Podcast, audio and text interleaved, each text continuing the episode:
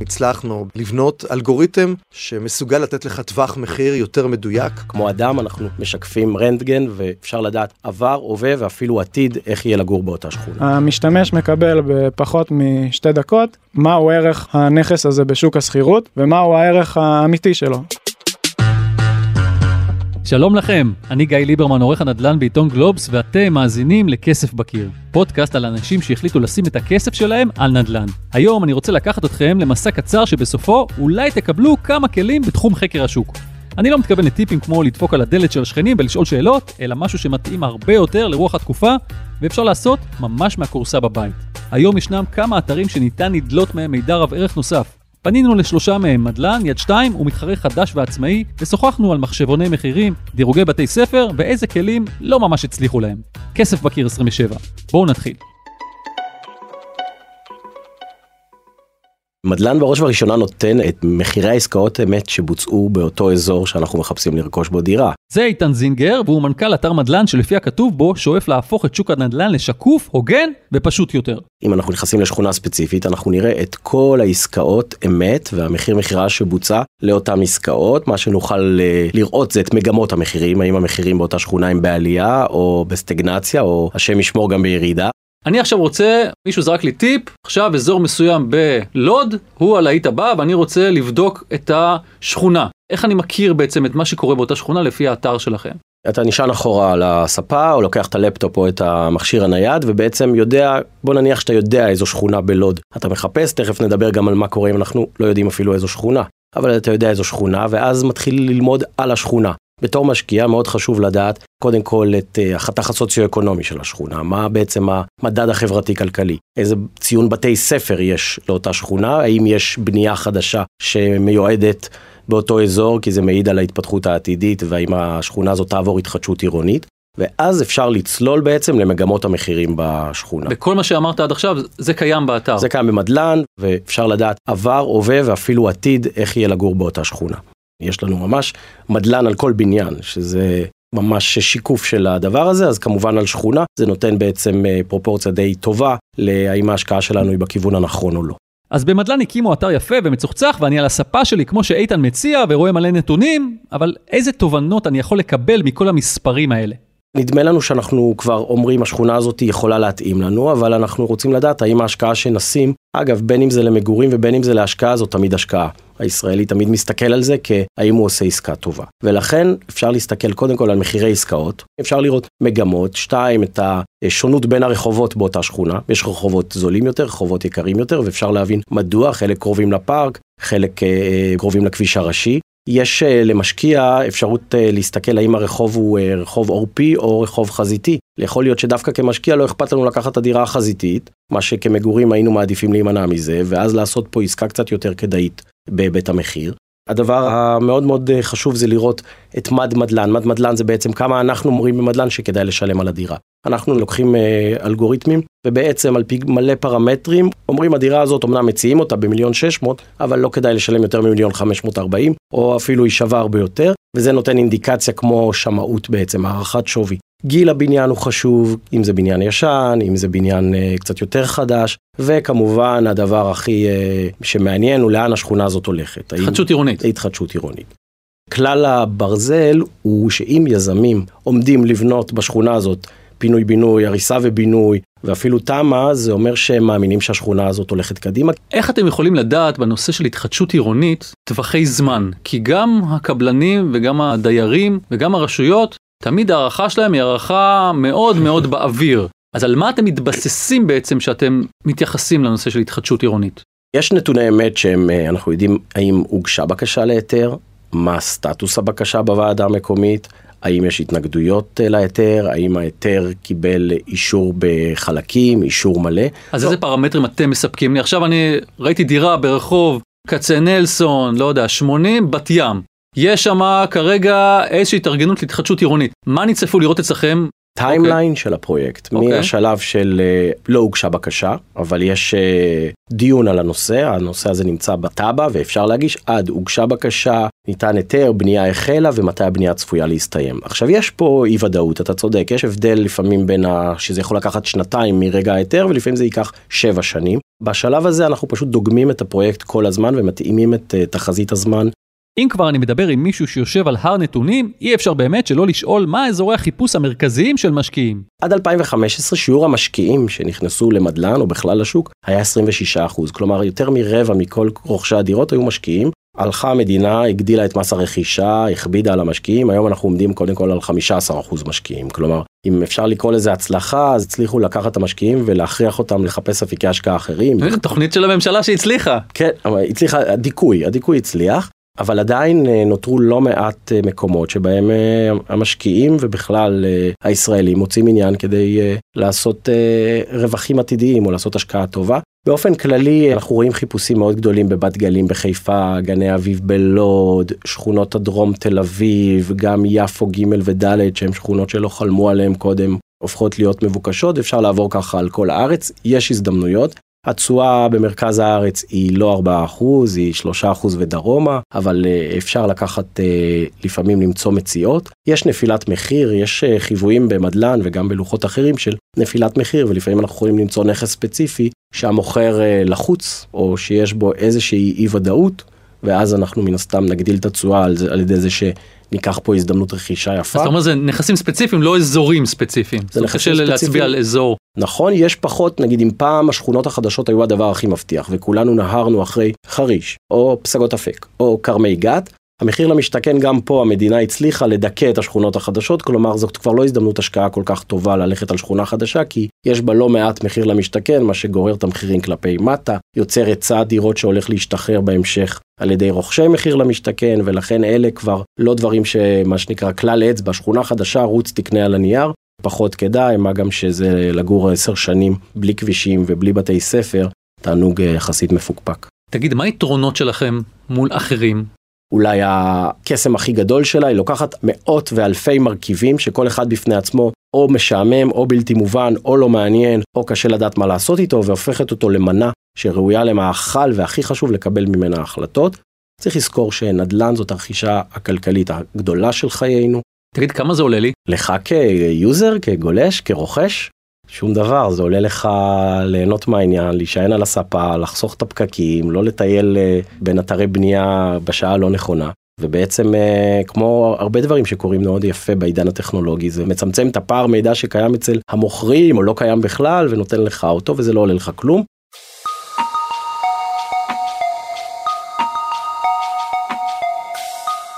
מדלן הוא לא האתר היחידי שמספק לנו מידע נדל"ני שעשוי להיות רב ערך. אתר הלוחות יד 2, אם תרצו, המתחרה הגדול של מדלן, מציע לנו גם הר של נתונים. בואו נגיד שלום למנכ"ל האתר יבין גילמור, ממנו ביקשתי לשמוע מה אפשר ללמוד משיטוט אצלהם.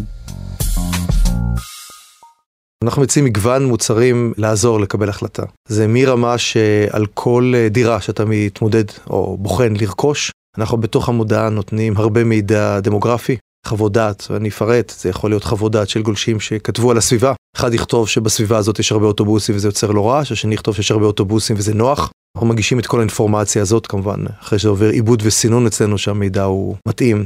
יש מידע דמוגרפי עם האנשים באזור הזה, הם אנשים אה, יותר משכילים, פחות משכילים, מספר ילדים במשפחה, הגעה למקומות עבודה עם אוטובוסים ברגל, באיזה אחוזים.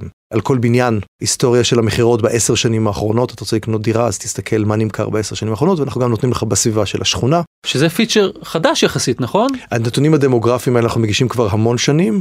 הדרך להנגיש אותה היא בכמה דרכים. יש אתר שלם שנקרא מדד נדל"ן שבו אתה ממש יכול לעשות חקר ואם אתה החלטת שאתה רוצה לקנות דירה בשכונה מסוימת אז כבר בתוך כל מודעה אנחנו עושים לך זום אאוט של האינפורמציה אנחנו מנגישים לך בתוך המודעה זה כמובן בהרחבות ציוני בית ספר בהשוואה לעיר שבה אתה נמצא ובהשוואה לממוצע הארצי. אנחנו נותנים לך נתונים על אמצעי תחבורה. זה הכל אינפורמציה שמונגשת שאלה איך אתה ניגש אליה. יש אחד שהחליט כבר הוא כבר יודע או כי אה, חמו אמר לו או כי אשתו החליטה שזה השכונה שבה הוא קונה ואז הוא מתחיל להתלבט בתוך השכונה אם היא טובה או לא טובה, ויש בן אדם שבא בצורה יותר פתוחה. אפשר בשורות החיפוש גם לחפש לפי שכונה מסוימת, נכון? זו הרזולוציה הכי נמוכה? בעולם חיפוש אתה יכול לעשות לפי שכונה, ואתה גם יכול לרדת גם לרמת הרחוב, כי יש לך טקסט חופשי. אבל אה, עוד פעם, אנחנו נציע לך את העיר הוד השרון והמושבים בסביבה.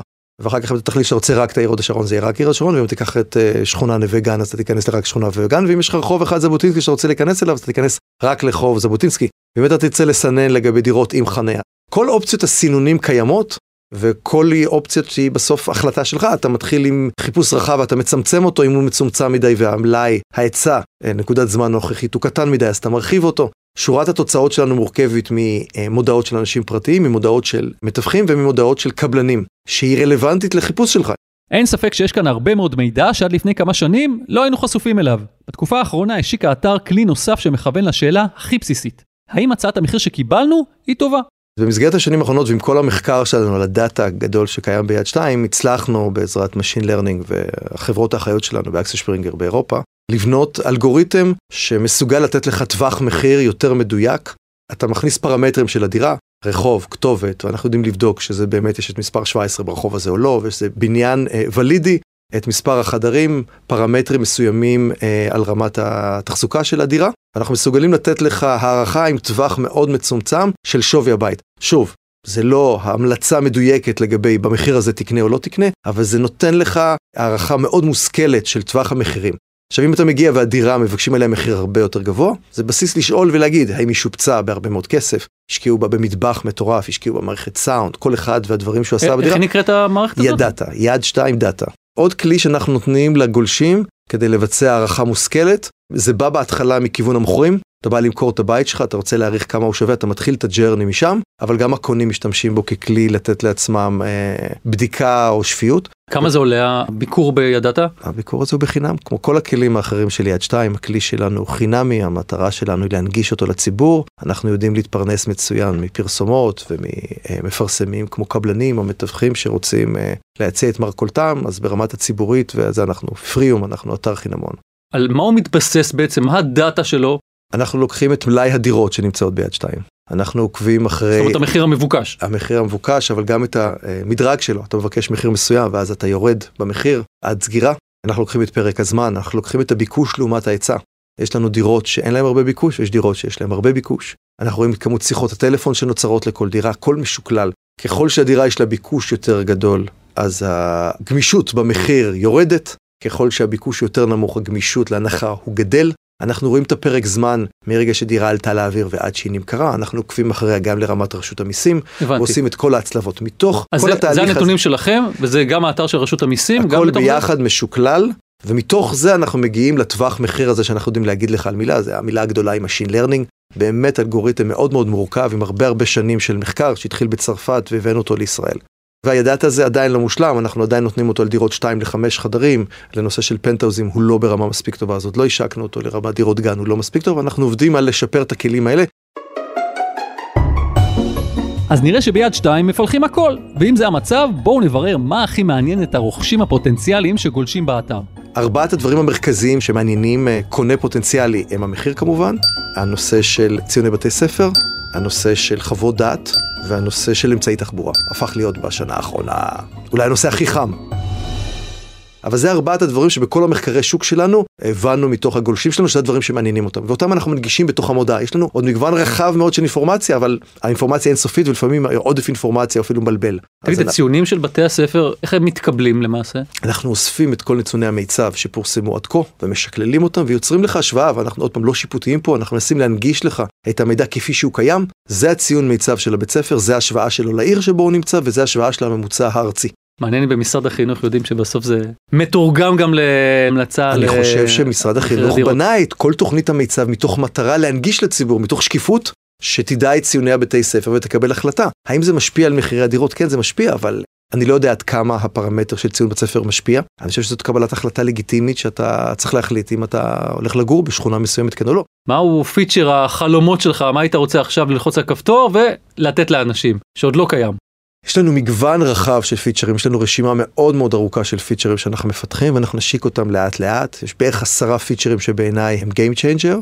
אני לא אספר עליהם עכשיו, אנחנו נשיק אותם לאט לאט, ואני גם אומר מראש שמתוך העשרה האלה אני מניח שהציבור יאהב שלושה או ארבעה, וכבר היו לי מקרים בעבר שאני או הקבוצה אפיינו פיצ'ר והשקנו אותו והציבור אה, פחות אהב. כמו מה? אנחנו עובדים מאוד מאוד חזק על לתת עוד כלים למתווכים בשנים האחרונות, הם שותפים מאוד חשובים שלנו. וניסינו להשיק פיצ'ר של צילומי 360, רצינו להציג אותו עם מתווכים. ועשינו הרבה ניסיונות עם מתווכים וזה לא תפס, והם לא הרגישו שזה נותן מספיק ערך וזה מסורבל מדי ולצלם. אני חשבתי שדירת 360, צילום שלה כולל מעבר בין החדרים, זה Game Changer, זה דבר שאתה מהאינטרנט תוכל להיכנס ולקבל הרבה יותר אינפורמציה לדירה כדי להחליט אם היא כן מתאימה לך או לא מתאימה לך. עשינו פיילוט, מספר פיילוטים עם מתווכים, וזה לא הצליח. הבנתי, תגיד, מה לגבי שוק השכירות? איזה נתונים אתה יכול לתת לי שם מבחינת מחירים, אם זה בכלל אה, אפשרי חוץ מ...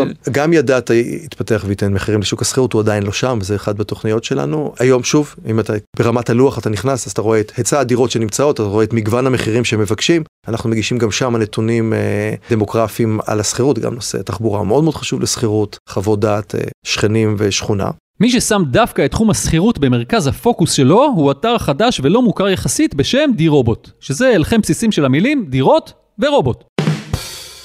העיקרון הוא כזה, אתם תספקו כמה פרמטרים שקשורים במיקום ותכונות כמו מספר חדרים, קומה ועוד כל מיני אלמנטים, האתר לוקח את המרכיבים הללו, מערבב ומגיש לכם שתי מנות, הערכת שווי לשכירות והערכת שווי למחיר. אז האתר מתבסס על מאות אלפי אה, נכסים שקיימים בשוק בזמן האחרון. מתבסס על האתרים הגדולים, כל אתרי הפרסום הנדל"ן שאפשר לחשוב עליהם. אתה לא רוצה לציין את שמם? לא צריך לציין את שמם. לבחור ששמעתם קוראים עידן מדרוני. הוא בן 28, נשוי ומתגורר בכפר יונה. כשהוא שלח לי בתיבת המייל של כסף בקיר את הלינק לאתר הזה, כמובן שהדבר הראשון שעשיתי היה להריץ ניסוי על הדירה שלי בפתח תקווה. המחיר שקיבלתי היה די דומה להערכת השווי שיושבת אצלי בראש. מה שגרם לי להרים טלפון לעידן שמתגלה כסטארט-אפ של איש אחד. הוא הקים את האתר ומתפעל אותו לגמרי לבד. אגב, מבחינתו האתר הזה הוא לגמרי תחביב, לצד עבודה די אינטנסיבית כמהנדס תוכנה. אז למה בכלל הוא בעסק הזה? הרעיון התחיל אה, מתוך כמיהה שלי לידע שהרגשתי שחסר בתחום הנדל"ן. נתונים כמו ממוצעי דירות, חציוני אה, דירות אה, בארץ, האם השוק נמצא כרגע בעלייה או ירידה מבחינה שבועית, חודשית, מתי סוף סוף תגיע באמת ירידת המחירים שכולם מדברים עליהם. ורציתי לדעת את כל הנתונים האלה לפני הלמ"ס. אחרי שהשגתי את הנתונים האלה באמצעות אה, חישובים, אמרתי לעצמי, אוקיי, יש לי פה לא מעט נתונים, אפשר להשתמש בידע שרכשתי בתואר לגבי בינה מלאכותית ולנסות ליצור פה מחשבון שבאמצעות נתונים של הנכס מצליח לחשב את השכירות שהנכס צריך להניב ואת הערך עצמו של הנכס. כל העסקאות שהיו בשוק אתה מתכוון לאתר של רשות המיסים. גם uh, אתר רשות המיסים, גם uh, עסקאות שעוד לא בוצעו. עסקאות שעוד לא בוצעו זה הכוונה לאתרים שמפרסמים שם דירות למכירה או דירות להשכרה. נכון. השאלה המתבקשת היא מאיפה יש לו זמן להקים אתר כזה? את הזמן אני מוצא אחרי העבודה, בין ה... כאילו, שאני חוזר הביתה בערב. אשתי פקחית טיסה, ויש uh, יממות שלמות שהיא נמצאת במשמרות בהר מירון, אז uh, יש לי ככה קצת זמן לפעמים. וגם אה, אני עובד עד השעות הקטנות כמעט כל לילה, ובסופאשים בעיקר. עשית אותו לבד לגמרי את האתר? כן, אז אה, את האתר התחלתי לעבוד עליו באוגוסט, בפברואר הוא כבר עלה לאוויר. זה לא מעט עבודה, אני כל פעם גם אה, חובש כובע אחר או תפקיד אחר, פעם אחת אני מפתח צד השרת, פעם אחת צד הלקוח, פעם אחת אני מה שנקרא data scientist. מה השירות שאתה מספק לנו? מה שאתר די רובוט מציע, בהינתן פרטים של נכס מסוים, המשתמש מקבל בפחות משתי דקות מהו ערך הנכס הזה בשוק השכירות ומהו הערך האמיתי שלו. זאת אומרת, אתה יותר מכוון לשכירות? זה המצפן שלך הראשוני? כן, כרגע אני יותר מכוון לשוק השכירות, גם כי אני יודע שיש אה, מחשבונים אחרים בשוק הנדל"ן. כרגע אני לא רואה שיש אה, איזשהו מחשבון שכירות, ואני רואה בזה צורך אה, ממש מהותי. אז בוא נדבר שנייה על שוק השכירות, מה בעצם אתה מספק פה? אמרת נותנים פרטים, איזה פרטים אני צריך לספק לך? פרטים מאוד מאוד uh, פשוטים, שכל uh, מי שרואה איזושהי מודעה, או בטח ובטח שבעל דירה יכול לתת את הפרטים, שהם כתובת, שטח הדירה, האם יש uh, גינה, סוג הדירה, יש לי את uh, כל סוגי הנכסים העיקריים שהם דירות גן, פנטהאוזים, בתי קרקע ודירות רגילות. אז אנחנו מכניסים את, ה, את כל הנתונים האלה לשדות ספציפיים ומקבלים את התשובה. כל התהליך לוקח אה, בממוצע פחות משתי דקות. נכון לעכשיו, מכיוון שזה עדיין יחסית חדש, יש אזורים שהוא טוב יותר בהם, אזורים שפחות, יש אזורים שנגיד לא נגעת בהם בכלל? יש לי נתונים באמת של כל הארץ, אז בקטע הזה אפשר להגיד שהוא עובד באופן מאוד אה, נרחב. הדיוק שלו הוא גבוה גם בפריפריה. מה בנוגע לנכסים למכירה? מה אתה מספק שם? אתה מכניס את הפרמטרים, לא משנה אם הדירה הזאת היא לא שלך בכלל, אתה עכשיו מחפש אה, דירה להשכרה, מכניס את הפרמטרים שלה ואתה יכול להבין גם מה היא שווה וגם אה, מהו השווי שלה בשוק השכירות. אה, זאת אומרת, אותו חיפוש נותן לך גם פרמטר למכירה וגם לשכירות? נכון. דירובוט מספק מידע לכל מי שמתעניין ברכישה, אבל האם כמשקיעים הוא נותן לנו משהו נוסף? האתר מספק למשקיעים באמת איזשהו פן אה, שהוא מאוד אטרקטיבי. יצא לי לשמוע גם באחד הפודקאסטים הקודמים שאנשים אה, ישר פונים לחו"ל ודי מתייאשים אה, משוק הנדל"ן בארץ בגלל שהאתר נותן גם את השכירות וגם את ערך הנכס עצמו, הוא גם מספק את התשואה השנתית הפוטנציאלית למשקיעים. אתם עכשיו מחפשים איזשהו נכס אה, להשקיע בו, כמובן שיפרסמו לכם שהוא מניב כמה שיותר ודברים כאלה. אבל באותם פרמטרים שמכניסים לאתר, אתם יכולים להבין בעצם מה תהיה ההכנסה השנתית שלכם, כמה הנכס יניב לכם בשנה הקרובה, שזה דבר שהוא מאוד אטרקטיבי למשקיעים. יתרון אחד או שניים שלך מול אחרים.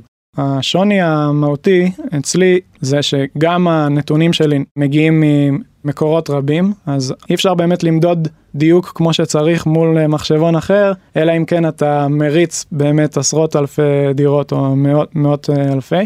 אבל uh, בגלל התכונה הזאת שיש לי הרבה מאוד מידע ממגוון של אתרים זה מעלה את הדיוק גם בפריפריה.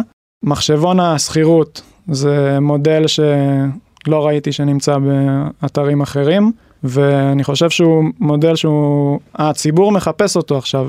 היום זה חינמי נכון? כן.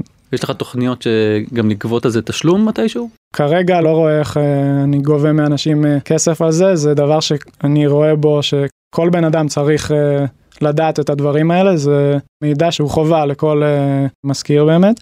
החזון שלי באתר הזה זה קודם כל לחדור לשוק, לעורר את הידע אצל הציבור. אוקיי, יש פה איזושהי אלטרנטיבה, אני, יש משהו שאפשר לסמוך עליו, שהוא מספיק אמין וראה מספיק מודעות.